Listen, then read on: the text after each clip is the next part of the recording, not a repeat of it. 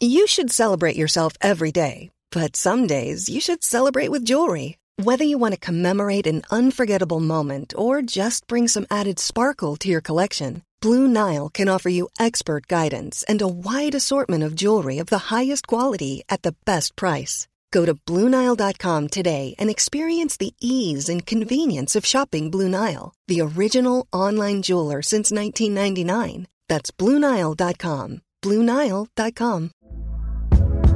Hey there, it's Michelle Norris. I'm host of a podcast called Your Mama's Kitchen. When I travel, I'm usually looking for a way to find a taste of home when I'm not at home. And one of the things I love to do when I am at home is entertain. And Airbnb allows me to do that. When I was in California recently, I rented a house that had a great kitchen. And when we were sitting around the table, we're all thinking, we're in someone else's house. Someone could be in all of our homes as well. If you have a home, but you're not always at home, you have an Airbnb. Your home might be worth more than you think. Find out how much at airbnb.com/slash host.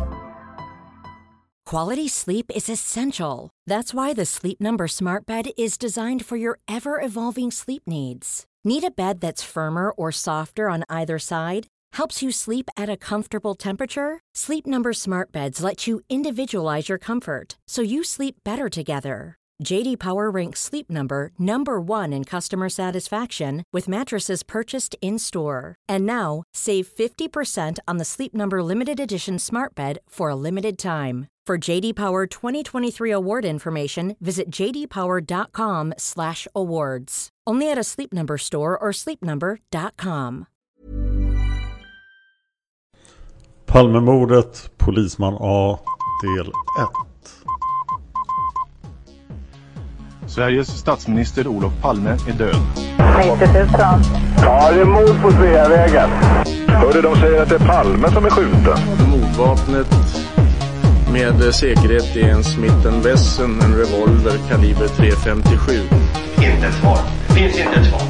För jag har inget. Och jag har inte varit Varför skulle jag Polisen söker en man i 35 till 40-årsåldern med mörkt hår och lång mörk rock.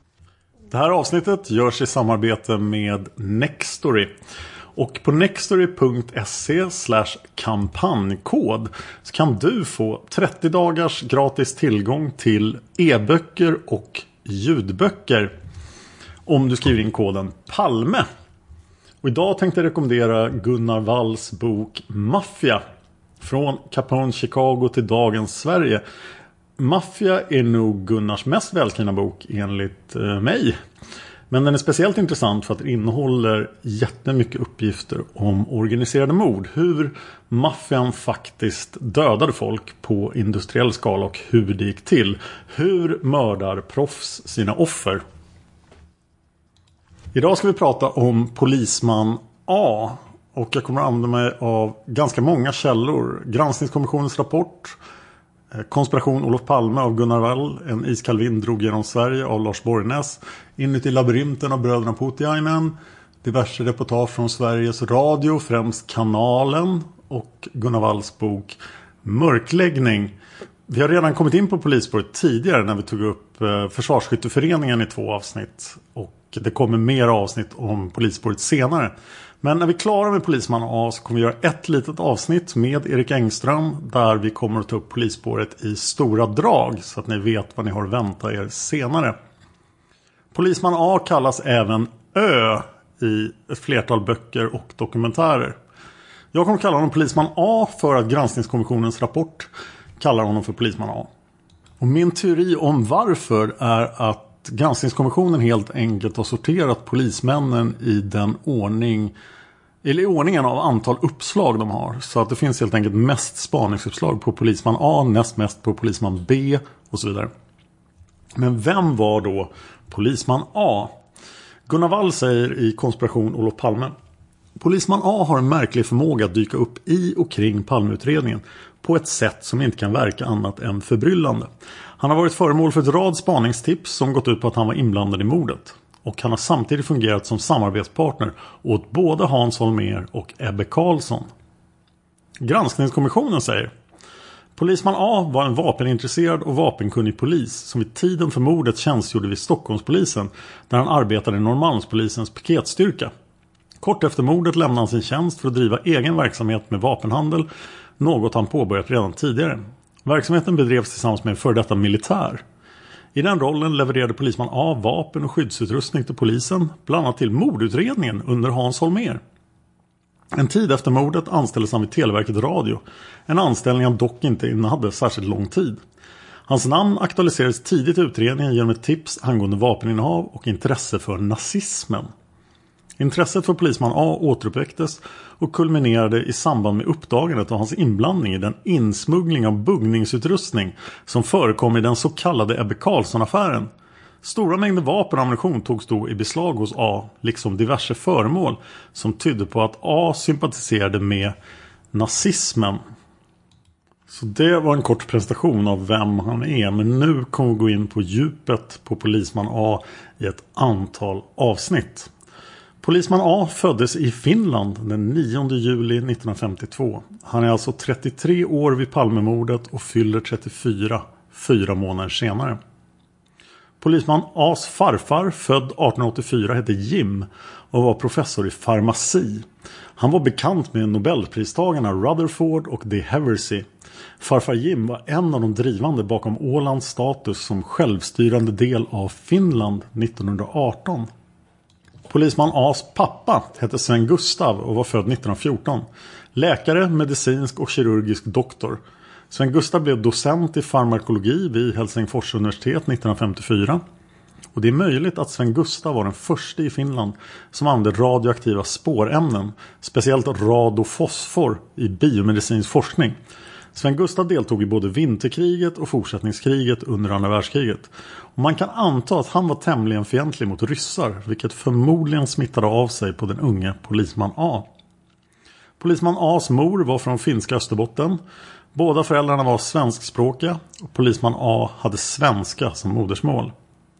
1963 anställdes pappa Sven Gustav av Pharmacia i Sverige.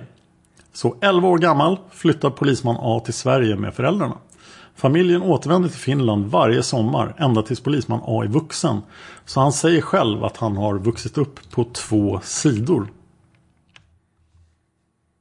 Polisman A's familj flyttade till Uppsala. 1968 blir polisman A svensk medborgare, då 16 år gammal. Och polisman A går treårig ekonomisk på gymnasiet. Han gör sin militärtjänst på Kungliga Göta Livgarde i Enköping. Och efter värnplikten flyttar polisman A till Stockholm. Den 7 januari 1974 börjar polisman A grundläggande polisutbildning i Stockholm. Och han kom sedan att tjänstgöra i en piketgrupp vid Norrmalmspolisen från slutet av 1976. Och vi kommer att låta honom själv berätta om den här piketgruppen för den var omtalad. Men det här är före baseballligan så det är inte baseballligan. 1977 gick polisman A's far Sven Gustav i pension från sin tjänst på Pharmacia. 1979 börjar en ny polis på, i piketgruppen tillsammans med polisman A. Han heter Per-Ola K.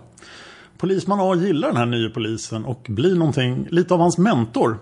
Och ett vänskapsband knyts och nio år senare så skulle båda två åka fast i Ebbe Carlsson-affären. 1979 får polisman A ett nytt jobb hos polisen. Han börjar då delvis jobba på Rikspolisstyrelsens tekniska byrå och blir en slags expert i vapenfrågor inom polisen. Han har speciellt hand om eh, polisens beväpning samt kroppsskydd. Hans högsta befattning är polisinspektör men i praktiken får han en nyckelposition när det gäller vapenfrågor för polisen i hela Sverige och främst i Stockholm. I början på 80-talet är polisman A medlem i en kulturförening som heter Societas Avantus Gardiae, Avantgardiska sällskapet, tillsammans med sin vän polisman B. Och vi har ett eh, protokoll från ett möte 1982 där polisman A's namn står i den här föreningen. En vanlig missuppfattning är att polisman A var medlem i baseballligan men det var han aldrig. Däremot var han nära bekant med folk som hade varit med i baseballligan. Vi kommer att gå djupare in på baseballligan när vi gör hela polisspåret men här nöjer vi oss med en kort sammanfattning från Gunnar Wall och konspiration Olof Palme.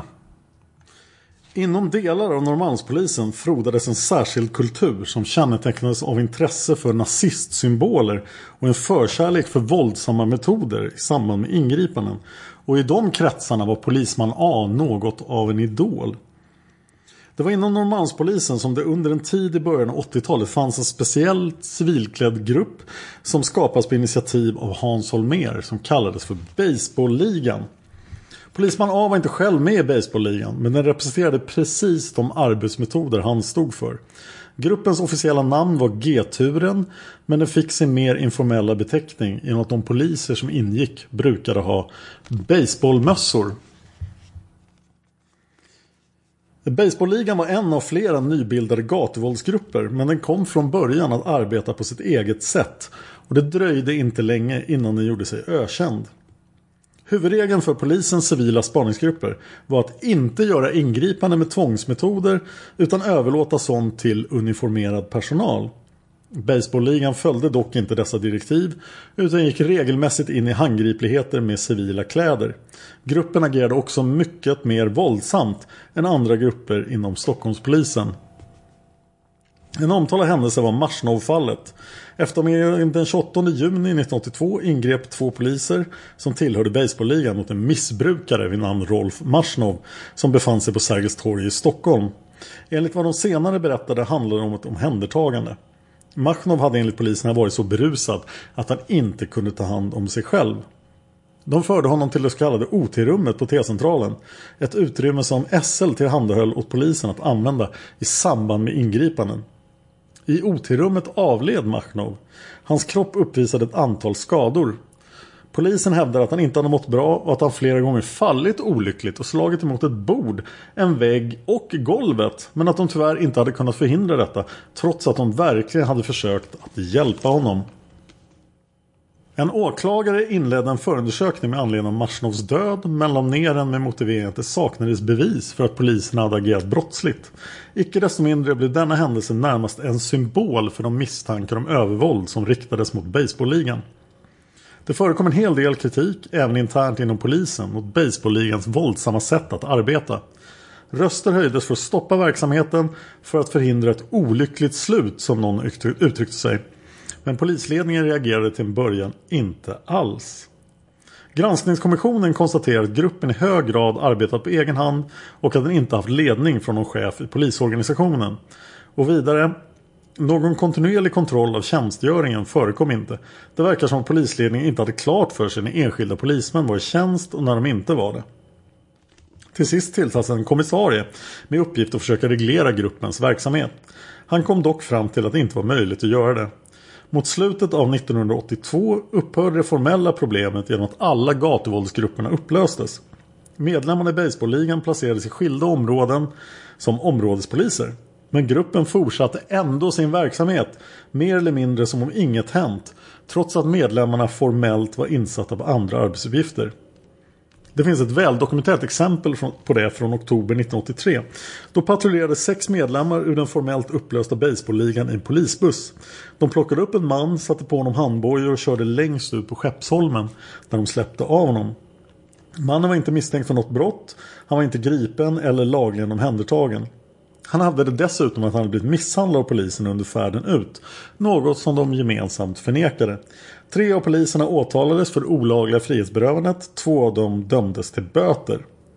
I efterhand kan det väcka förvåning att en informellt och olagligt verkande polisgrupp kunde fortsätta arbeta tillsammans så länge utan att någon stoppade den.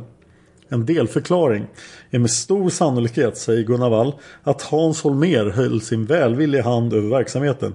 Ett par av de livvakter han handplockade när han startade som spaningsledare i Palmeutredningen kom just från Baseballligan och allihop var nära bekanta med polisman A. 1982 drog polisman B igång sina herrmiddagar i en lokal i Gamla stan. Polisman A var en flitig gäst på de här middagarna och ska även ha hållit i egna föreläsningar. Vi ska prata mer om de här middagarna i själva polisspåret och i spåret Polisman B. Och Lars Borgnäs säger en iskall vind drog genom Sverige.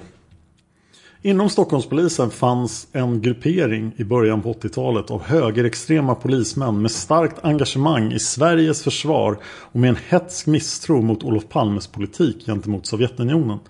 Sitt tydligaste uttryck fick denna gruppering i de sammankomster som anordnades 1982 till 84 i Gamla stan med ett knappt 50-tal deltagande polismän. Sammankomsterna, som var kända av Säpo, hade nazistisk prägel och innehöll föredrag som ofta kretsade kring politi politiska ämnen. Och där det sovjetiska hotet mot Sveriges frihet var ett återkommande tema. Fientligheten mot statsminister Olof Palme och hans utrikespolitik var påtaglig. Kommendörkapten Hans von H var vid ett tillfälle i de här mötena och han berättade därefter för sin chef hur man på mötet hade diskuterat olika sätt att bli av med Palme. Gunnar Wall säger i Konspiration Olof Palme på sin fritid hade polisman A deltagit i en serie herrmiddagar i en lokal i Gamla stan. Middagarna hållits vid återkommande tillfällen från januari 1982 till februari 1984 av en nära vän till polisman A, en polisinspektör vid Norrmalms vaktdistrikt kallad polisman B. Dessa middagar hade haft en mycket diskret karaktär. Alla som kom dit hade blivit muntligt inbjudna av polisman B. På de mest besökta middagarna hade ett 40-tal poliser deltagit. Det hade ibland förekommit nazisthälsning under sammankomsterna. Säpo hade fått höra talas om mötena och undersökt vad som har hänt. Den dokumentation som Säpo samlade i frågan sattes in i en perm som internt på Säpo fick namnet Projekt Adolf. Där hette det om polisman B att han sägs vara nazist och stark motståndare till det rådande demokratiska statsskicket. Vid olika tillfällen redovisade representanter för Säpo resultatet av dessa efterforskningar för justitieministrarna Ove Reiner och Sten Wickbom men också för Olof Palme som reagerade starkt på det han hörde. Statssekreteraren Ulf Larsson som var med vid föredragningen med Palme kom senare ihåg att statsministern kommenterat saken med att polis och militär borde försvara den demokratiska staten och inte motarbeta den. Polisman A jobbade nu alltså på Rikspolisstyrelsen. Han var utredare i skydds och vapenfrågor. Ansågs mycket vapenkunnig. Gjorde utredningar vad gällde skyddsvästar. Och fick en ställning som auktoritet för unga poliser. Rolf Andersson, chefen vid Rikspolisstyrelsens tekniska byrå, skriver 1985 ett rekommendationsbrev för polisman A. Och där kan man läsa Polisman A har visat prov på framstående egenskaper vad beträffar arbetsförmåga, samarbetsförmåga och förmåga att uttala sig i tal och skrift. Han har under sin tjänstgöring vid Teknikbyrån visat ett helt passionerat intresse för vapenfrågor. Under 1984 upphör då de här mötena i Gamla stan och enligt obekräftade uppgifter ska mötena ha fortsatt i VACLs lokaler på Wallingatan som jag berättade om i avsnitten om svensk extremhöger. Men eftersom polisman B nu kände sig observerad av Säpo så tog polisman A mer och mer över de här mötena. Och vi vet också att polisman A var inblandad i militär underrättelseverksamhet. Vid sidan om sitt vanliga arbete. Lars Borgnäs säger en iskall vind drog genom Sverige på sid 480. Eh, jag vill avsluta det här avsnittet om polisen med att ge ytterligare ett exempel på de kontakter som polisman A hade. Exemplet är intressant av ett alldeles speciellt skäl. Det tangerar nämligen det resonemang jag tidigare förde om att en grupp var ute på mordkvällen som kan ha ingått i en beredskapsövning. I polisman A's bekantskapskrets ingick en löjtnant från södra Sverige som egentligen var fallskärmsjägarutbildare men som också sysslade mycket med säkerhetsfrågor. Han ingick en grupp som åkte runt till olika militära förband, i första hand flygflottiljer, och testade säkerheten mot spetsnasanfall och sabotage. I samförstånd med förbandsledningarna tog han och en kollega sig in på anläggningarna i smyg på samma sätt som ett fientligt sabotageförband skulle göra. Syftet var att visa hur lätt det var för sovjetiska spetsnazsoldater att nå fram till viktig materiell och viktiga personer och slå ut dem vid ett överraskande anfall. År 1985 hade löjtnanten och hans kollega gjort ett sådant test hos dåvarande överbefälhavaren Lennart Ljung. Och den här löjtnanten går under namnet Jägarnisse. Han kommer att komma tillbaka. Övningen gick ut på att de skulle försöka lura sig in i försvarshögkvarteret på Lidingövägen i Stockholm och ta sig fram till ÖBs person för att där simulera ett mord. De skulle alltså praktiskt utröna om det med list och beslutsamhet gick att ta sig ända fram till landets högsta militära ledare och avrätta honom. De två militärerna klädde sig i lånade polisuniformer och körde fram till försvarshögkvarteret i en polisbil. De gick in i receptionen och visade upp polislegitimationer förebärande en anledning att gå in i byggnaden. Väl insläppta bytte de om på en toalett och ändrade skepnad från polismän till fläkttekniker. De tog sig därefter utan att hindras fram till rummet intill överbefälhavarens. Men där blev löjtnanten igenkänd av en medarbetare till ÖB och försöket fick avbrytas. En rysk soldat hade förmodligen inte blivit igenkänd och därför kunnat nå ända fram. Vad övningen sålunda visade var att det fanns allvarliga brister i säkerheten kring landets högsta militära ledning. Polisbilen och uniformerna hade löjtnanten och hans kamrat fått tillgång till genom polisman A och dennes kollega Per-Ola K. Dessa två satt under övningen i en civil bil utanför högkvarteret i syfte att fungera som backup om det behövdes. Löjtnanten har anlitat polisman A eftersom de kände varandra sedan tidigare. I samband med att löjtnanten tränat på att uppträda som spetsnazsoldat hade han anlitat polisman A som instruktör i combatskytte. Polisman A hade också hjälpt löjtnanten att undervisa hemvärnsförband i eskort och livvaktstjänst. Något som ingår i hemvärnets uppgifter i samband med ockupation eller hot om ockupation. På dessa områden ansåg löjtnanten Jägar-Nisse då att polisman A var utomordentligt kunnig. Testet mot försvarshögkvarteret ger en bild av stämningsläget vid den här tiden. Här fanns en rädsla för att fienden från öster skulle slå till på ett överraskande sätt mot vitala funktioner i Sverige. Kanske med hjälp av sabotageförband som landsatts med minubåtar. Inom polis och militär tog man hotet om ett överraskande spetsnazanfall som inledning på en kupp mot Sverige och kanske också på en följande invasion på högsta allvar. Det finns en eh, film som är gjord av försvaret som heter Förebudet. Och den ska finnas på Youtube. Jag kunde dock inte hitta den. Eh, och styckjunkaren säger på Flashback att gänget kring förbudet är de som genomför den här kuppövningen mot ÖB i september 85. Utanför försvarsstaben väntar polisman A Per-Ola K i en bil. Och de som går in på högkvarteret nästan tar sig fram till ÖBs rum är Jägarnisse och en än så länge anonym kollega. Förebudesfilmen producerades av arméstaben. Det vore naturligt att tänka sig att samma grupp skulle användas för en kuppövning mot statsministern. Och intressant är att de tre kända ÖB-kuppsövarna alla har ifrågasatta alibin vid mordet på Olof Palme. Så Jägarnisse och Per-Ola Ks alibi ska vi återkomma till i andra avsnitt. Men Polisman As alibi vid Palmemordet kommer vi ägna en hel del tid åt i de här avsnitten. Den 23 juli 1985 händer någonting i Malmö som kommer att påverka Polisman A en hel del. En 24-årig man och hans vän har varit på Kanarieöarna en vecka och där nere har de provat narkotika och 24-åringen blir väldigt aggressiv av det. Han lider sedan tidigare av schizofreni och det i kombination med narkotikan gör honom galen.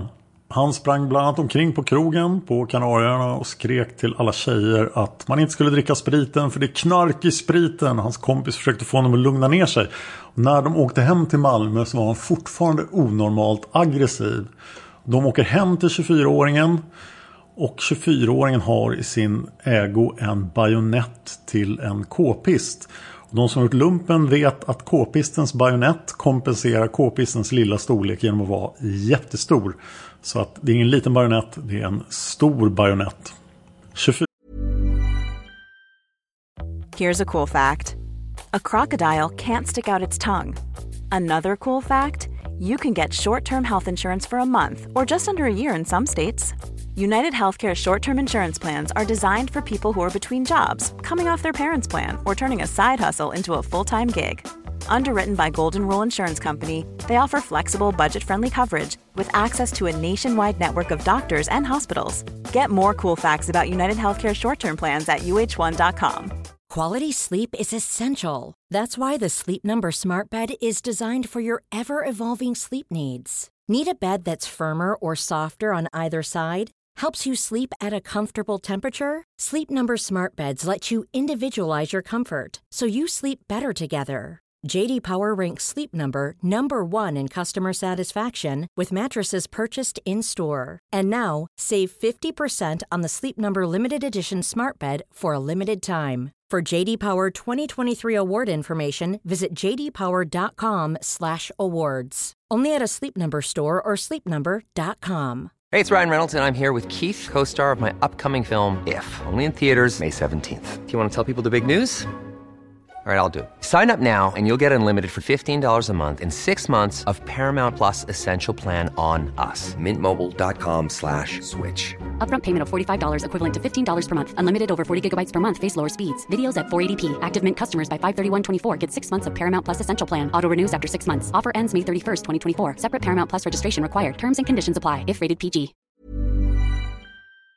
Fyraåringen tar ner bajonetten från väggen och säger till sin vän att man borde gå ut och hugga huvudet av barnjävlarna så att det blir tyst i kvarteret. Vännen försöker återigen lugna ner honom men sen åker han till jobbet. Barnen på gården fortsätter att föra oväsen så 24-åringen bestämmer sig för att gå ut på gården och eh, slå med bajonetten på ett träd och allmänt se tokig ut. Varpå barnens föräldrar blir väldigt oroliga, säger åt dem att sluta och när han inte gör det så ringer de polisen. När polisen kommer är 24-åringen helt oredlig, han hoppar upp på en polisbil och en polisman snubblar och kommer inom huggavstånd från bajonetten. Varpå polisen gör bedömningen att de behöver skjuta verkanseld på 24-åringen. Så de börjar skjuta på honom. Men han blir bara ännu galnare och ger sig på dem med bajonetten. Varpå polisen skjuter honom ännu mera och de träffar honom med 11 skott. Innan han slutar anfalla dem. Den här mannen blir känd som Samurajmannen. Och i folkmun har han då ett samurajsvärd men det var en k-pistbajonett. Poliserna i Malmö var utrustade med polisens vanliga tjänstevapen Walter PPK. Och de var mycket missnöjda med det här vapnet då. För att eh, ja, han slutade inte. De sköt honom men de lyckades ändå inte stoppa honom. Och det här gav upphov till en utredning inom polisen. Och polisen behövde nu ett vapen med större stoppkraft. Som vapenexpert på Rikspolisstyrelsens tekniska byrå blir polisman A inblandad i det här. Och eh, de inblandade bestämmer sig för att byta tjänstevapen till Sig Sauer som än idag är polisens tjänstevapen vad jag vet. Det här bytet tar ganska lång tid att genomföra och eh, det genomförs till största del under 88-89 och då är polisman A inte inblandad längre. Men under 1985, då under resten av 85 så jobbar polisman A främst som instruktör i det nya vapnet Sig Sauer och håller i utbildningar. Och det är även den tjänst han officiellt har då den 28 februari 1986. Polisman A har en vän som heter Ingvar G. Ingvar G hade varit militär och uppnått majors rang. Men han hade slutat i militären. Han var född 1953. Och Ingvars CV ligger ute på nätet. Han är fortfarande yrkesverksam. Och man kan notera i det CVt att man inte hittar det vi kommer att prata om i det här avsnittet eller i kommande avsnitt om Ingvar. Men han säger att han blev distriktschef försäljning på FFV Ordnance AB. Men i själva verket blev han senare säkerhetschef på Televerket Radio och var det vid tiden för Palmemordet. Och tillsammans bestämmer sig polisman A och den före detta majoren Ingvar G att skaffa sig en liten lägenhet på Regeringsgatan 85. Och det här händer från och med 1 september 1985. Den här lägenheten ligger i hörnet David Bagares gata, Regeringsgatan. Det vill säga på precis den platsen där vittnet Lars J får den sista skymten av Palmes baneman. Polisman A och Ingvar G smygkontoriserar den här lilla lägenheten på Regeringsgatan. Det är bara en etta. Eh, de börjar i liten skala bedriva affärsverksamhet inom vapen och säkerhetsbranschen medan de fortfarande båda jobbar kvar på sina gamla jobb. De har planer på att utöka verksamheten. Det här företaget heter inte Strateg Protector. Strateg Protector kommer in senare i vår historia. Det här företaget heter EC Security. EC Security finns inte registrerat hos Bolagsverket. Och det innebär förmodligen att bolaget är en enskild firma registrerad på Ingvar G som också står skriven på den här lägenheten vid Regeringsgatan 85. Enligt Sveriges Radios program Kanalen skulle EC Security syssla med försäljning av säkerhetsutrustning. Men det finns ingen redovisad försäljning. Företaget har alltså aldrig gjort några framgångsrika affärer överhuvudtaget utom att hyra den här lägenheten och det har skett via Ingvar G och inte via företaget. Ingvar G har aldrig förhörts av Palmeutredningen, inte ens upplysningsvis. Och han är en väldigt intressant person i ämnet Palmemordet. Så han kommer förmodligen få minst ett eget avsnitt senare i podden. Men i Polisman avsnitten kommer vi bara ta upp Ingvar G när han agerar tillsammans med Polisman A. Så exakt vad den här lägenheten användes till är mycket oklart. Kontraktet gällde från 1985 10.01 till 1986 03.31. Alltså sex månader. Det var antingen sagt så från början eller så hade lägenheten sagts upp inom uppsägningstiden. Och företaget har ja, som sagt ingen registrerad verksamhet. Nycklar till lägenheten har disponerats av polisman A, Ingvar G och en tredje okänd person. Den tredje okända personen kommer från Sveriges Radios Kanalen och Lars Borgnäs. För polisman själv säger i förhör att det var bara han och Ingvar G som hade tillgång till lägenheten. Och det är ju möjligt här att Ingvar och Polisman A hade en massa ambitiösa planer, bestämde sig för att småstarta det här bolaget och sen hände ingenting. De lyckades inte göra några affärer, de var upptagna med sina vanliga jobb, det rann ut i sanden. Det är sånt som kan hända nyföretagare. Men de kommer att ta nya krafttag senare. Någon gång innan mordet ska polisman A enligt obekräftade uppgifter ha semestrat i Sydafrika. Och det är anmärkningsvärt för att han nämns inte i granskningskommissionens rapport som speciellt tar upp polismän som har varit i Sydafrika strax innan Palmemordet. Den här uppgiften att polisman A varit i Sydafrika är mycket vanligt förekommande men jag har inte hittat en pålitlig källa. Under sina år på Rikspolisstyrelsens tekniska byrå ska polisman A även ha varit inblandad i inköpen av den tyska k-pisten MP5 som förstärkningsvapen för polisen. Och det gav polisman A värdefulla kontakter i Tyskland som han senare skulle ha nytta av. Den första september 1985 så började Dan Hörning, det vill säga jag, träna ninjutsu på Bomuntes ninjutsu-skola på Jungfrugatan på Östermalm. Det här var ju under ninjavågen på 80-talet och filmer som Revenge of the Ninja, Enter the Ninja, de var jättekola och jag ville bli en ninja.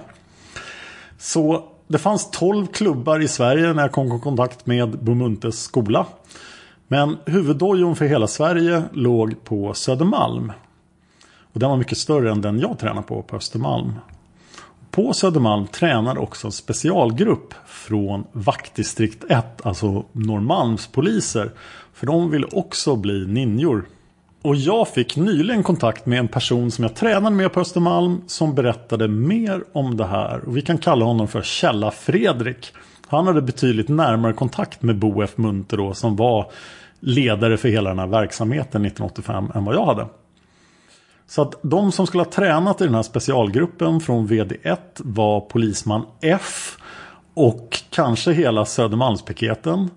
Ulf H som ju satt i växeln på mordnatten och polisman A. Och Källa Fredrik berättar, ja, Bo blir inte så glad när jag tog upp det här.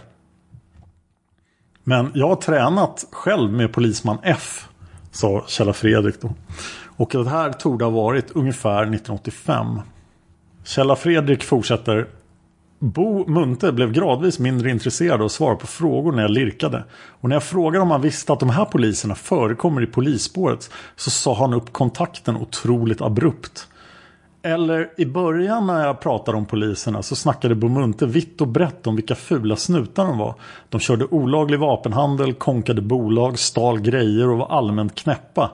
Ulf H kallades för kulfånget eftersom hans fru sköt honom i benet efter en otrohetshistoria. Kjella Fredrik vet inte om polisman D och E tränade hos Bomunte. De var inte så intresserade av att hålla fast folk utan att skada dem. Polisman E är idag, säger Fredrik, lärare på Polishögskolan. Det här är då från 2016. Fredrik fortsätter. Helt klart var de sjukt sammansvetsade. De tränade i en egen grupp. Det kan ju mycket väl vara en extrem slump att just de var där just då. Men å andra sidan är jag lite som Leif GW Persson och tycker att man inte ska tro på slumpen. Och Kjella Fredrik fortsätter. Holmer startade baseballligan själv. När han blev länspolismästare ville han visa handlingskraft mot det ökade gatuvåldet och grundade gatuvåldsgruppen. De rekryterade bara kustjägare för de är kustjägare hela gänget. Årsgrupp kring 56. Sen frågade Kjell Fredrik vad han trodde om Palmemordet för han är ganska beläst på Palmemordet. Och han sa jag tror att Eugene de Kock av någon anledning backade ur vid Grand och att polisman A var koordinerande. Men var det en svensk som klev in kan det vara någon av dem som förmodas ha setts på platsen. Till exempel Anti A, polisman D eller polisman E. Anti A var ju inte på piketen när det hände för han var på knarkspan. Där lämnar vi Källa Fredrik. Nu är vi framme vid 1986 och den 12 januari händer någonting som Lars Borgnäs berättar om i en iskall vind drog genom Sverige på sid 358. Och eh, Lars har en källa som han kallar för Polisman X. Den polisman X jag tidigare nämnt som var med vid de nazistiska mötena i Gamla stan 1982-84 berättade följande för mig mot ett löfte att inte göra det möjligt att identifiera honom som källan. Han var god vän till en polisman som vi kallar polisman A.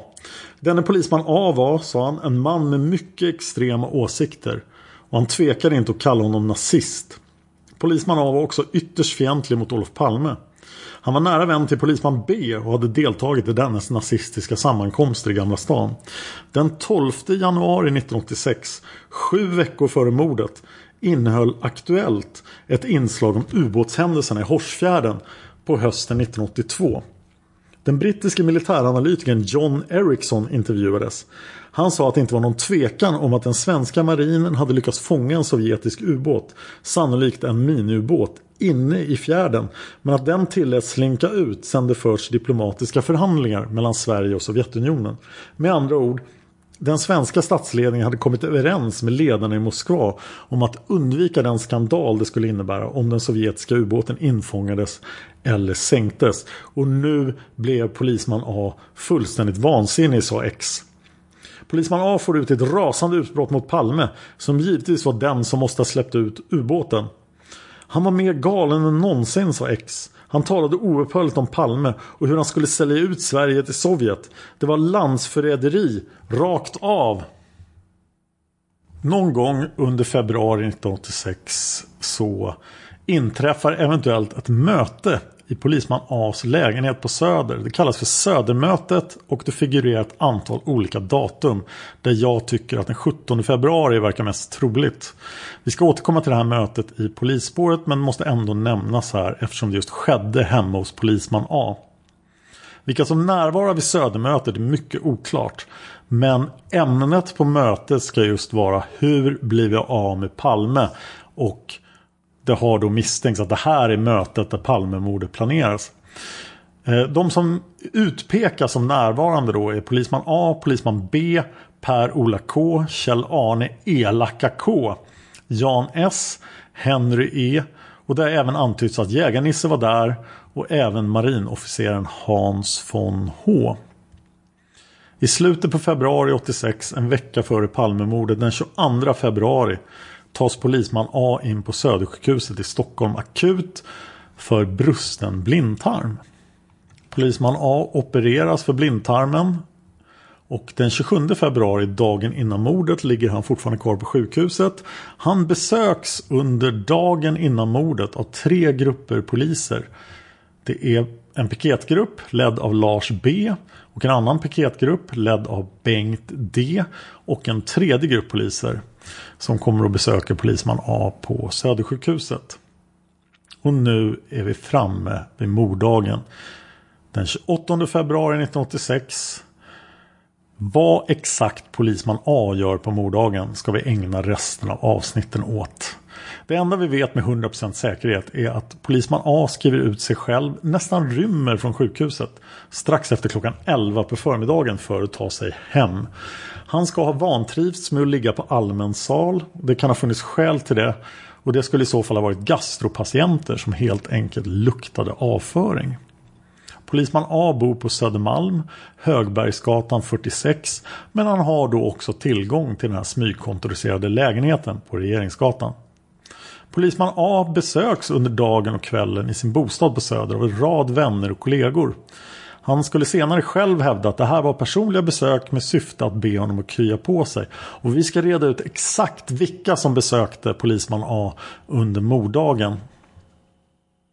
Men det finns ytterligare en händelse under morddagen som jag vill återkomma till och den rör kulturföreningen då. Så vi vet att polisman A var medlem i 1982. Jag har berättat om den här händelsen tidigare i avsnittet Svensk extremhöger men nu kommer Gunnar Walls version från konspiration Olof Palme. En äldre kvinna som på eftermiddagen kom hem till sin lägenhet efter att ha fredagshandlat slog på radion som var inställd på en närradiostation där olika föreningar sände. Det lät som hon hamnat i en frågesport. Programledaren frågade lyssnarna vem den sketch som snart skulle spelas upp handlade om. En svensk statsman mördas, sa programledaren. Men det är inte Gustav III. Kvinnan lyssnade under stigande häpnad. Sketchen syftade nämligen alldeles uppenbart på mordet på just Gustav III. Den scen som spelades upp handlade om hur de sammansvurna samlades några timmar före attentatet. Inslaget avslutades med att friherre Perslin, en centralfigur i komplotten, utropade det sitter en skådespelare på tronen och spelar hög herre. En lögnhals som satt förtrycket i system. Han måste bort. Han måste bort. Så enkelt är det. Nästa dag när kvinnan får höra om Palmemordet tänker hon på inslaget och ringer polisen. Men hon blir inte kontaktad tillbaka. Hon kommer senare i kontakt med Lars Borgnäs och dennes kollega Olle Hägg på radions samhällsmagasin Kanalen. De kontrollerar hennes berättelse. Det visar sig att bakom närradiosändningen med kungasketchen finns en kulturförening med namnet Societas Avantus Gardiae Avantgardiska sällskapet som varit mycket aktiv i närradiosammanhang under första halvan av 80-talet. Reportrarna får ut vad som ska vara en kopia av sändningen från den 28 februari. Men där finns inte någon påannonsering med. Den som säger att det inte handlar om mordet på Gustav III. Däremot får reportrarna fram en del medlemsuppgifter om föreningen. Det visar sig att företrädare för en stor del av den svenska extremhögern deltagit i verksamheten. Bland annat folk från EAP, Sveriges nationella förbund och Framstegspartiet. Det framgår också att föreningen haft en rätt livlig verksamhet vid sidan av närradiosändningarna. Bland annat visningar av porrfilmer och tyska krigsfilmer. Det har också förekommit en föreläsning om mikrofonteknik vid inspelning på långa avstånd. Protokoll visar att polisman B, han med härmiddagarna varit med i styrelsen och att polisman A deltagit i åtminstone ett av föreningens möten. Så vad skulle då den besynnerliga påannonseringen av radiosketchen kunna innebära? Det är svårt att säga, säger Gunnar Wall. Det kan ha varit ett infall utan djupare mening från personen som fällde de förbryllande orden. Eller så kan kvinnan som lyssnade ha hört fel men med tanke på personsammansättningen i föreningen kan det ju inte uteslutas att den kommentar som sändes var en blinkning till de mer initierade lyssnarna om att nu var det faktiskt dags. Det som de väntat och hoppats på. Det säger fortfarande inte på något sätt att själva föreningen eller ens han som gjorde påannonsen behöver ha haft ett aktivt ansvar för mordet. Men det hela framstår som ett möjligt tecken på att det fanns en miljö där mordplanerna på något sätt var kända. Den 28 februari 1986 är polisman A, förutom blindtarmsoperationen, vältränad och han har en grov kroppsbyggnad. Han är 181 cm lång. Och när vi kommer tillbaka i nästa avsnitt så kommer Olof Palme att bli mördad. Om ni lyssnar på Palmemordet på en Apple-device så vill jag hemskt gärna ha iTunes-recensioner. Och jag har lovat att läsa upp alla iTunes-recensioner i podden. Så här kommer några stycken. Först är en med rubriken Mycket bra podd, fem stjärnor och Armath 1. Hörning har en bra berättarröst, ämnet är oändligt, gärna gäster lite oftare. Drömgästen är ju GV. Det kanske du kan fixa. Tyvärr så vill Leif GW Persson ha betalt för att vara med i podden och alldeles för mycket pengar för att jag ska ha råd med det på den budget jag har. Men det vore förstås en väldigt intressant gäst så Leif GW, du är väldigt välkommen i podden. Nästa recension heter Världens bästa podd om världens sämsta polisutredning. Fem stjärnor av George Hedlund.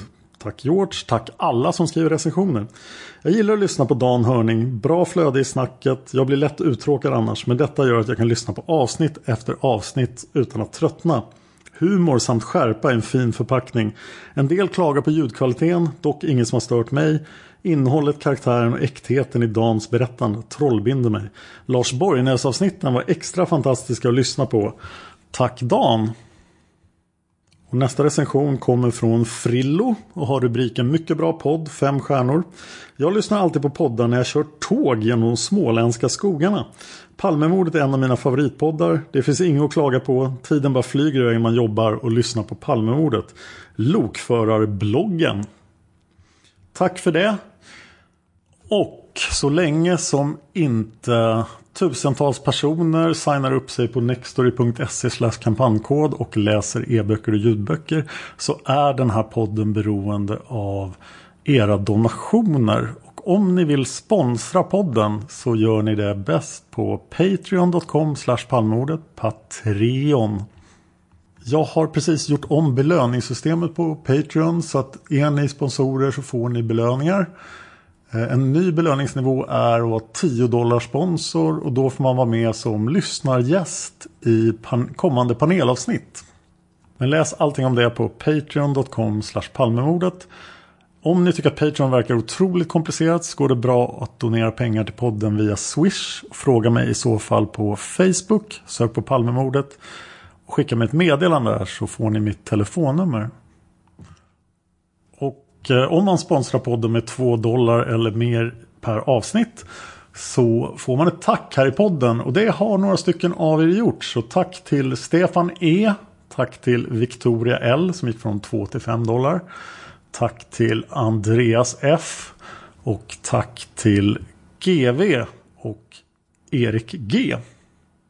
Palmemordet finns på Youtube och alla Eh, podcastplattformar som finns. Hoppas jag. Så om ni har Android till exempel och inte hittar Palmemordet så säg till mig ska jag försöka fixa. Så att den finns även på er plattform. På Youtube så lägger jag också upp lite extra filmer. Filmer från mordplatsen. Filmer från Palmevandringen i februari och liknande. Så bli gärna prenumerant på Youtube. Där finns också alla avsnitt om ni någonsin skulle ha problem med mp3-filerna.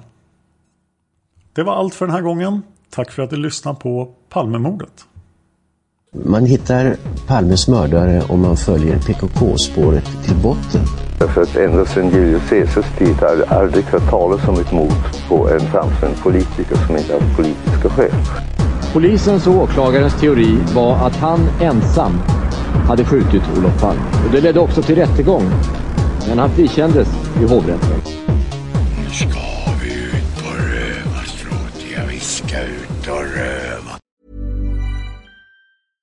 Even when we're on a budget we still deserve nice things. Quince is a place to scoop up stunning high-end goods for 50 to 80% less than similar brands. They have buttery soft cashmere sweaters starting at $50, luxurious Italian leather bags, and so much more. Plus, Quince only works with factories that use safe, ethical, and responsible manufacturing. Get the high-end goods you'll love without the high price tag with Quince. Go to quince.com/style for free shipping and 365-day returns. As humans, we're naturally driven by the search for better. But when it comes to hiring, the best way to search for a candidate isn't to search at all. Don't search, match with Indeed. When I was looking to hire someone, it was so slow and overwhelming. I wish I had used Indeed. If you need to hire, you need Indeed. Indeed is your matching and hiring platform with over 350 million global monthly visitors, according to Indeed data, and a matching engine that helps you find quality candidates fast. Ditch the busy work. Use Indeed for scheduling, screening, and messaging so you can connect with candidates faster. And Indeed doesn't just help you hire faster. 93% of employers agree Indeed delivers the highest quality matches compared to other job sites, according to a recent Indeed survey. And listeners of this show will get a $75 sponsored job credit to get your jobs more visibility at Indeed.com slash podcast. That's Indeed.com slash podcast. Terms and conditions apply. This is the story of the one. As head of maintenance at a concert hall, he knows the show must always go on. That's why he works behind the scenes, ensuring every light is working, the HVAC is humming, and his facility shines. With Granger's supplies and solutions for every challenge he faces, plus 24 7 customer support, his venue never misses a beat. Call quickgranger.com or just stop by. Granger, for the ones who get it done.